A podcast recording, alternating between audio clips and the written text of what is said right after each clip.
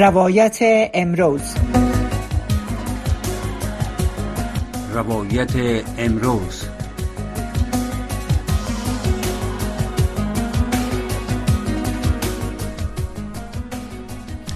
شنوندگان رادیو آشنا صدای امریکا سلام. به برنامه روایت امروز ما سید عزیز الرحمن شما را خوش آمدید میگم.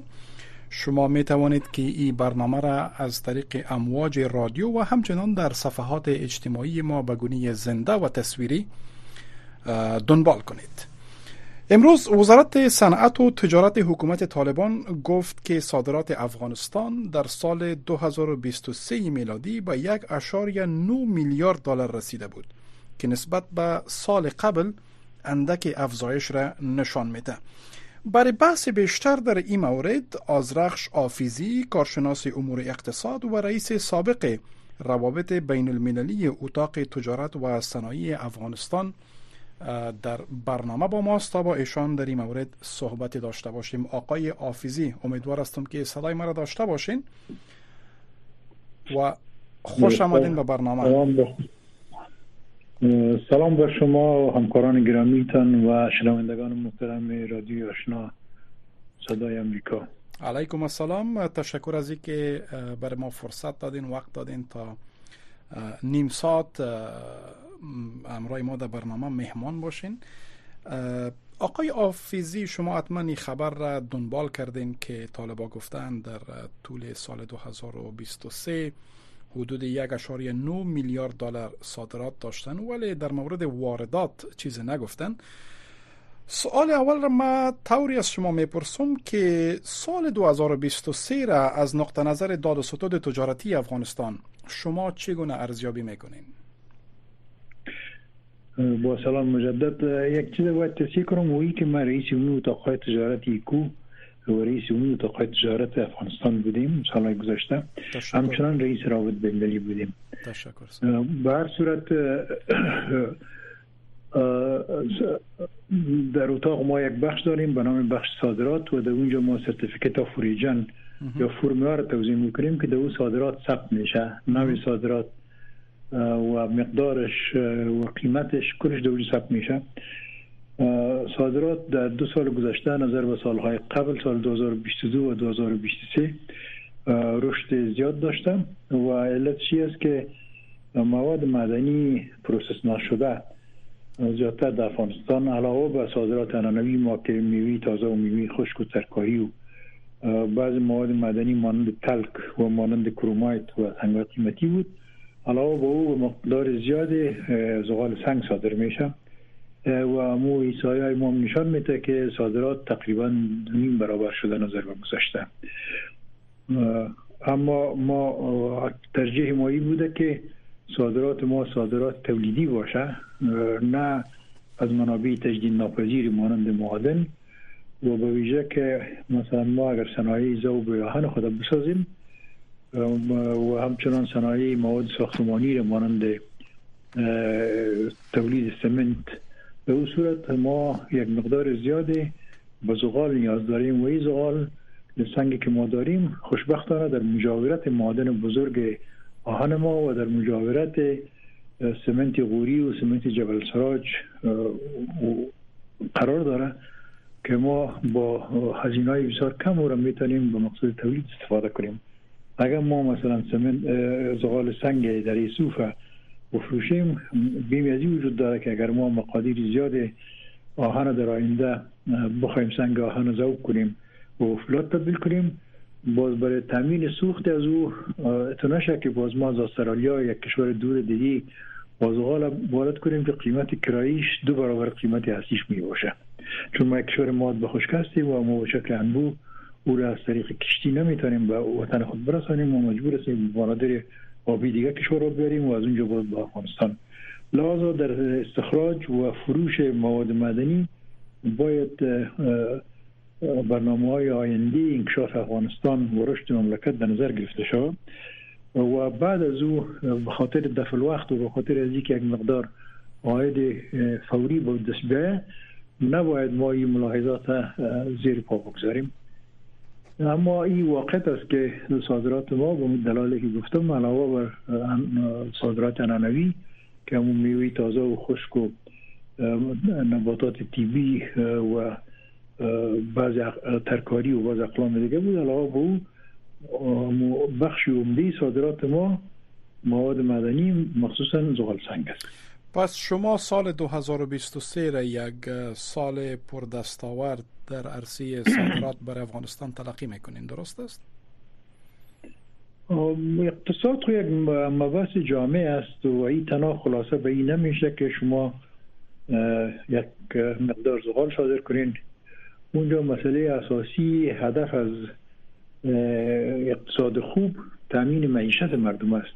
مبارزه بر ضد فقر است ایجاد جای کار است و بالا بردن تولید ناخالص داخلی یا جی دی پی است.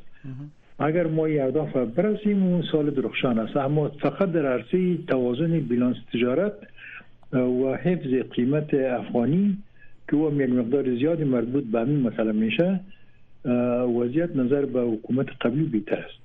شما در لابلای صحبتایتان از زغال سنگ اشاره کردین. البته حکومت طالبا هم ایرا گفتن که با وجود از اینکه مسیر تالنگ به خاطر بازسازیش مسدود بود برای چند ماه و با, وجود از اینکه صادرات زغال سنگ کاهش داشت ولی صادراتشان نسبت به سال 2022 البته دو درصد افزایش داشته.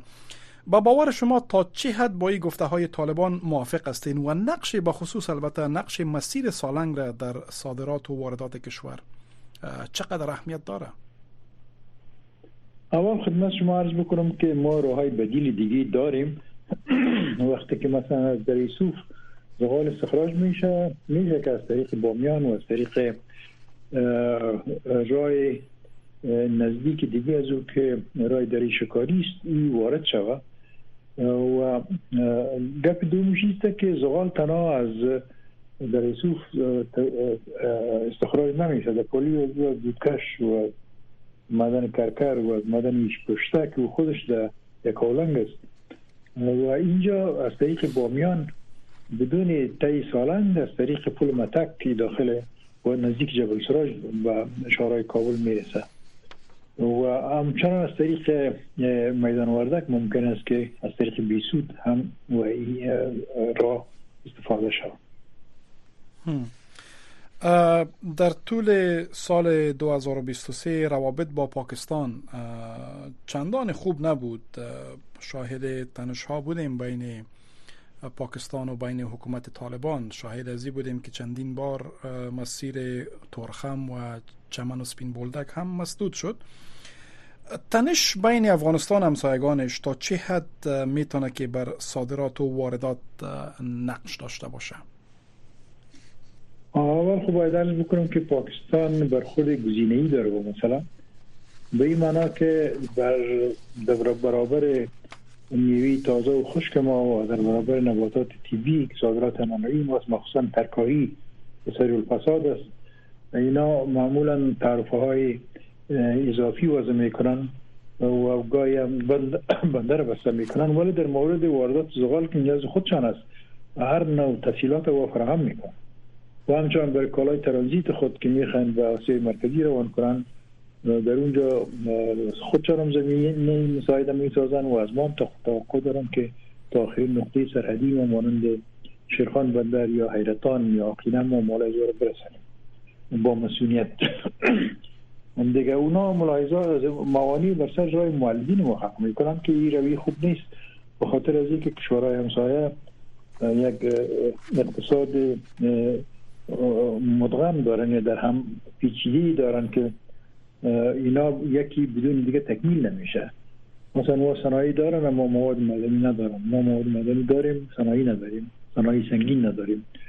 مثلا ما میوی تازه داریم میوه خوش داریم مواد طبی داریم لیکن شرایط پروسس و بسته‌بندی از نداریم. ما رو بسته‌بندی می‌کنن ازش افزوده اونا خلق می‌کنن و روان می‌کنن به بازار خلیج و بازار مثلا دوبای سعودی و انواع مختلف کشورهای مختلف دیگه به خاطر یک بخش عمده از عواید ملی پاکستان از بابت reprocess یا مو باز تولید مواد هست که ما از افغانستان به صادر می‌کنیم. مثلا تلک به روان می‌کنیم باید مواد خام یا رو پودر می‌کنن بازی رو بسته بندی می‌کنن بازی به صنایع دارویی و صنایع آرایشی یا به دنیا رو صادر می‌کنن با دو سی چند قیمت.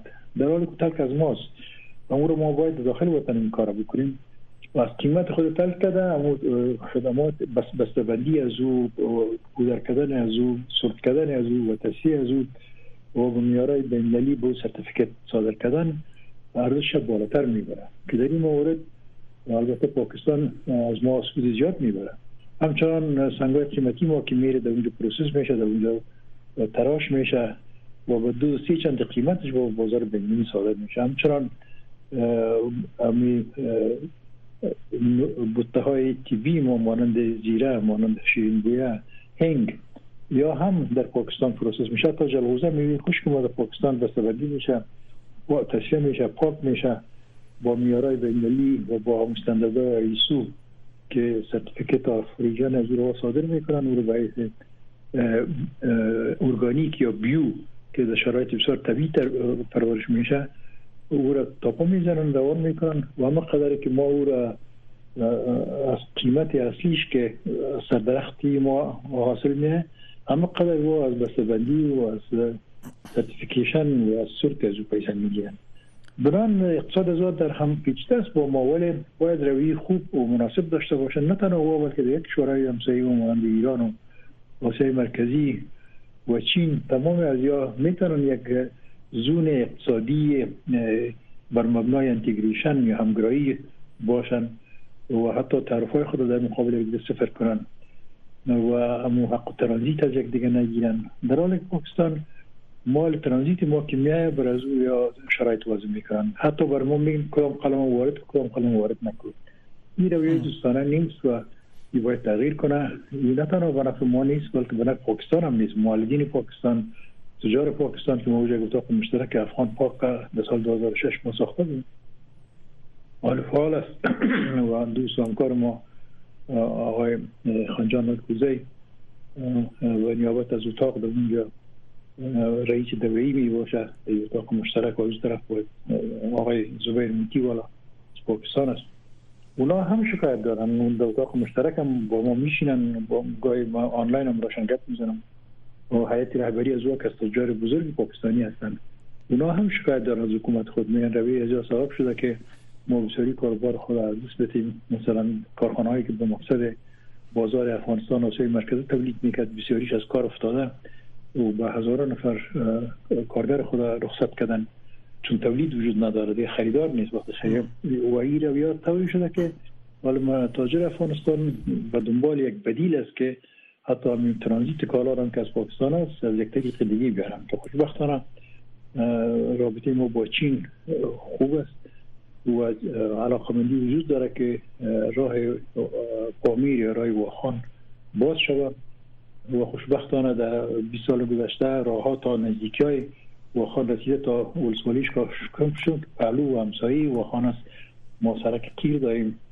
و یک 50 کیلومتر دیگه مگه سرک ساخته شود ما با چین وصل میشیم با های چین.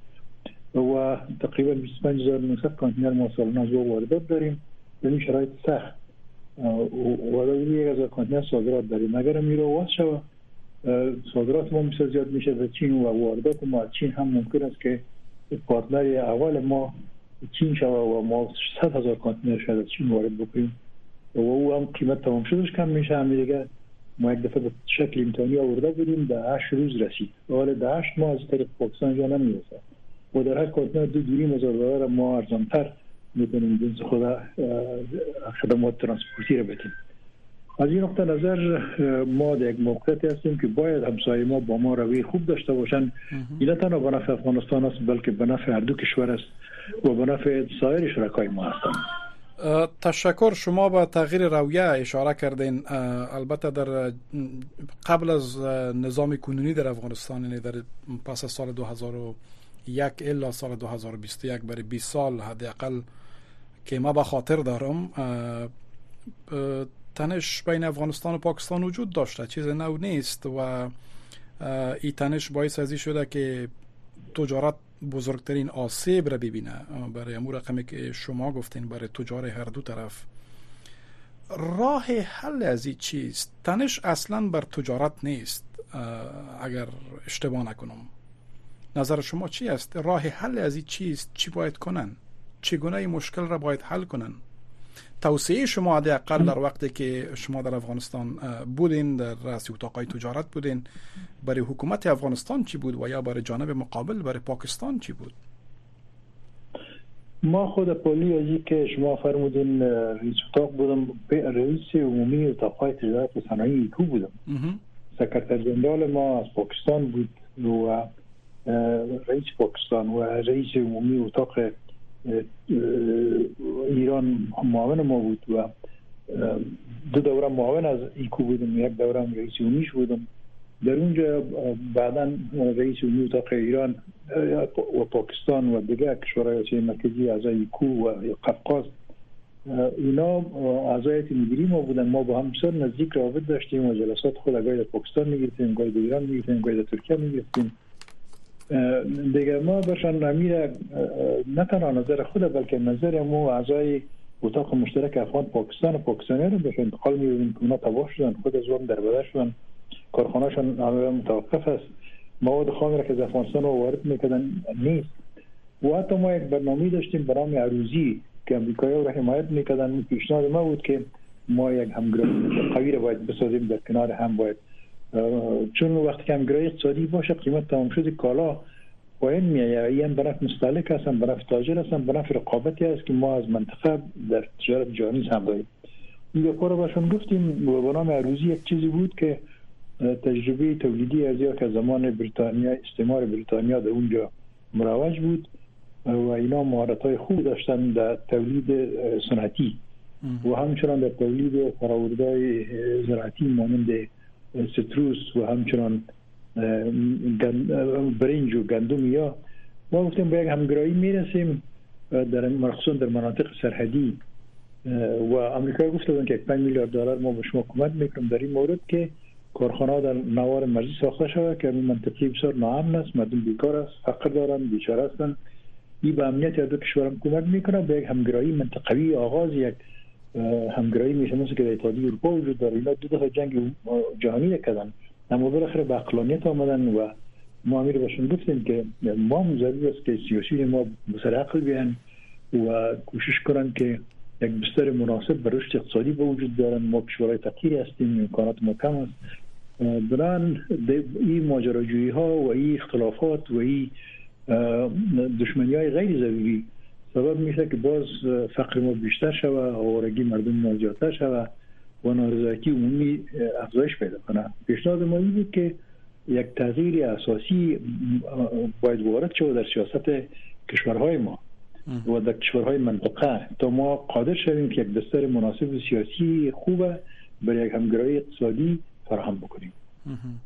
تشکر آقای حافظی امروز مو رقمی که گفتیم وزارت صنعت و تجارت طالبا موضوعی را که اعلام کردن در مورد میزان واردات چیزی نگفتن. لیکن یک ماه پیش این وزارتی را گفته بود که افغانستان حدود 7 میلیارد دلار واردات داشته در سال 2023 این ای رقم نسبت به سالهای گذشته اگر مقایسه کنین چقدر فرق می‌کنه؟ آیا یک رقم بلند است یا که مناسب است برای شرایط کنونی اگر در نظر بگیریم؟ کسر بیلانس تجارت ما در گذشته بسیار شدید بود و تقریبا تا 96 درصد بودیم. یعنی تو وقتی بوده که ما 400 میلیون صادرات داشتیم و رسمی و غیر رسمی قاچاق و آشکار 15 میلیارد 14 میلیارد واردات داشتیم. و این قاچاقش به این معناست که بسیاری جنسی که می آمد در گمرکات ثبت نمی شد و در های رسمی نمی آمد اما می آمد ما خبر داشتیم که می آمد چون تاجرها بالاخره همیش از اتاق هستن. در ما می چه مال وارد می‌کنن چه وارد نمی‌کنن. این که از پولوی گمرک تیر کردن و با بخش از بدنی ناسالم دولتی و بخش همتای سکتور خصوصیشان اینا نمی‌دونن که طلبه بودن ما باز شزوم رسمی هم حدود 10 میلیارد ما داشتیم و غیر رسمی حدود 15 میلیارد. و یکی دیگه هم یک تجارت ارانوی بود به نام تجارت سرحدی که بین افغانستان و پاکستان و بعض کشورهای دیگه مانند ایران افغانستان بود که بازارچا جنس می آمد و بین پاکستان و افغانستان قبایلی که به دو طرف سرحد هستن اینا بین خود تجارت انمی برام گندی داشتن که سوق می رسن یک مقدار جنس خود می بودن بی مسئول در بازار پاکستان می فروختن. از طرف مقدار جنس مورد ضرورت خود داخل می آوردن هم مازاد از رو بازار ارزان می‌کردن که او ثبت می‌شد حال تقریبا تجارت ما با پاکستان واردات ما کمتر از صادرات ما صادرات ما سال مالی روان و پارسال. از واردات ما خیلی زیادتر شده. یعنی کسری بیلانس تجارت دیگه با پاکستان نداریم ما یک تفاضل هم داریم. اما با دیگه کشورها کسری بیلانس تجارت داریم. و علت کم شدن واردات چند چیز است؟ یکی که ما در پالوی ضرورت های ملی خود و شرکت هایی که برای خارجی ها خدمات انجام می‌دادن و دیگه برای لوجستیک از و برای اصلا مصارفات از و هم واردات می‌کردیم که با میفروختیم. هم خدمات میفروختیم من بعضی از اقلام و جنس ها رو خلاص شده. دیگه ای که قدرت خرید مردم پایین آمدن فقر بیشتر شده و مردم جنس کمتر می‌خرن. و به این خاطر واردات ما نظر به گذشته کم شده. مخصوصا با از پاکستان بسیار کم شده. حال فعلا ما صادرات ما زیادتر از واردات ما از پاکستان است. پس واردات را شما با فقر اشاره کردین که یک از دلایلش فقر است که کاهش یافته. یعنی واردات به گونی چه رقم برتون بگویم؟ یعنی به شکل که باید کاهش پیدا کنه او رقم نیست بلکه یک عامل باعث شده که واردات کاهش یافته. خب بعضی عوامل کوچک دیگه هم هست. از جمله مثلا ما بدیل واردات داخل مملکت بعضی اقلام تولید می‌کنیم. فعلا ما در حدود 5 بیش از 5000 کارخانه فعال داریم. اینا هم یک مقدار کمک می‌کنن که واردات کم شود. اما ایده گذاشتن بودی کارخانه نو نیستن گذاشتن بود. ولی کافی نیست. مثلا تقاضای بازار ما برای جنس به اندازه واردات 7 میلیارد هم که وقتی که ما می‌تونیم وارد بکنیم به این معنی است که قدرت خرید 7 میلیارد هستن از 7 میلیارد معلوم است. مثلا اول با افغان های مقیم خارج به خانواده خود کمک می‌کنن. بین یک اشار هفت تا دو اشار سی میلیارد دلار بسیاری که ما داریم. اینا به خانواده خود کمک می‌کنن که قدرت خرید از قدرت تذریف میشه. یک مقدارم اواید داخلی است که معاش مامورین میشه. معاش حقوق و امتیازات معلولین و شهدا و متقاعدین است که متاسفانه متقاعدین به وقتا تنخواه خود تا کمتر گرفتن. شکایتشان زیاد است. میگن ما نگرفتیم. اما به هر صورت عواملی که سبب قدرت خرید میشن چیز است. چون بیکاری بسیار زیاد شده قدرت خرید مردم کاهش یافته و یک رونق اقتصادی مصنوعی یا کاذبی که قبلا ما داشتیم بنا به حضور نیروهای خارجی و بنا به خدماتی که از ما میخریدن او با رفتن از با و وقت کمکاشان فروکش کردن حال ما اقتصاد ریاضتی داریم. به اقتصاد ریاضتی 7 میلیارد زیاد است که ما داریم. چون منابع که ما داشتیم یکی کمک خارجی بود یکی تریاک بود که تریاک هم ظاهرا گفته میشه که کاهش یافته کشتش. او هم دیقانا رو فقیرتر می‌سازه چون بدیل معیشت ندارن. به از او که مثلا تریاک میکاشتن میفروختن ولی چی بکارن؟ و برنامه های واضح و روشن چی است از طرف جامعه بین چی برنامه از طرف خود حکومت افغانستان چی است یا شده نمی‌تونه که از طریق صدور فرمان خود مسائل حل نمیشه. شما می‌کنن که نکارین مثلا خون نکارن چی بخورن یواز از چی بکارن دیگه بر صورت مشکلات ما زیاد است ولی رای حل داره افغانستان پر از نیروی کار توانا و مستعد است. جوانان بسیار خوبی داریم که بیکار هستند و سطح آگاهی عمومی بالا رفته. در 20 سال گذشته چندین میلیون جوان ما درس خواندن و به درجات مختلف حرفه آموختن و یعنی به اصطلاح دارای یک جایگاه تخصصی هستن و دیگه زبان خارجی رو میشون مثلا مراودی خوب بود دیگه که می‌تونن کم از کم 3 4 میلیون جوان ما زبان خارجی می‌فهمن چه کسایی که در خارج هستن و مقیم خارج بودن فرزندان کسانی که مهاجرت کردن و چی کسانی که در داخل بودن.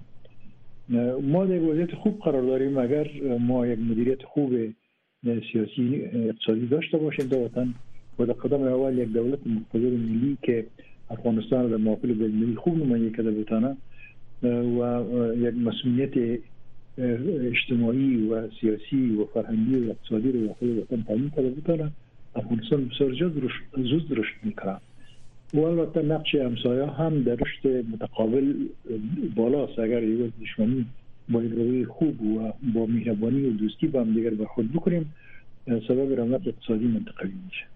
تشکر. آقای حافظی وقت برنامه آستا آستا به پایان می‌رسه ولی قبل از اینکه به پایان برسه از پیش شما یک سوال دیگه دارم.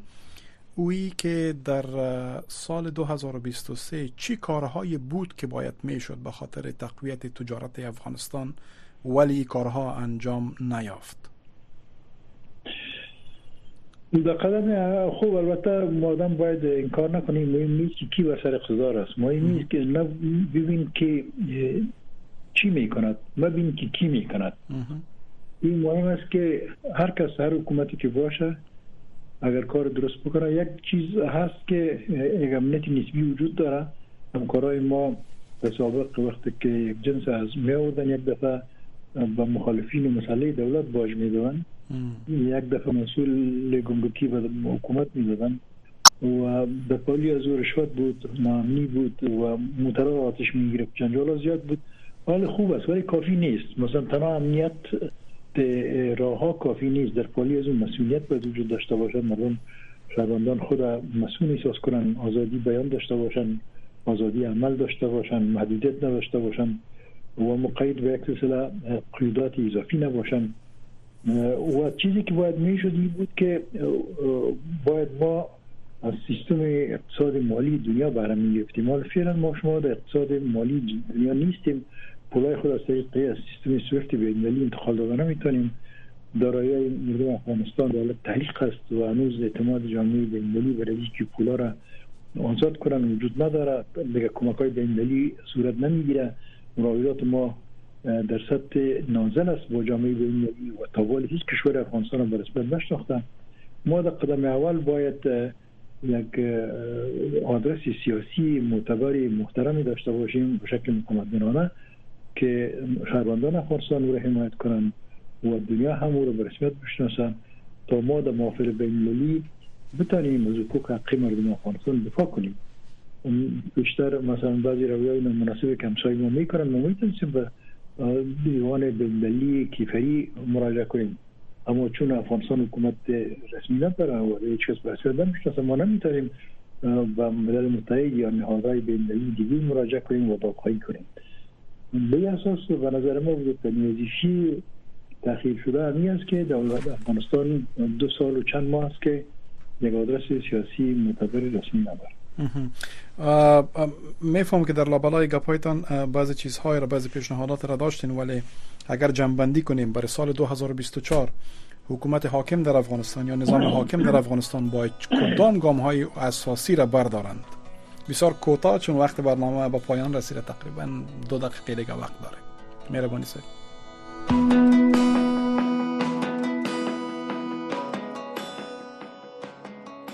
سکتور خصوصی افغانستان به عنوان لوکوموتیو رشد حمایت کنن و اینا رو محترم بشمارن برای که تمام دادستان فعلی ما و صنایع ما مربوط به سکتور خصوصی است و آمده او اقدامی نکرده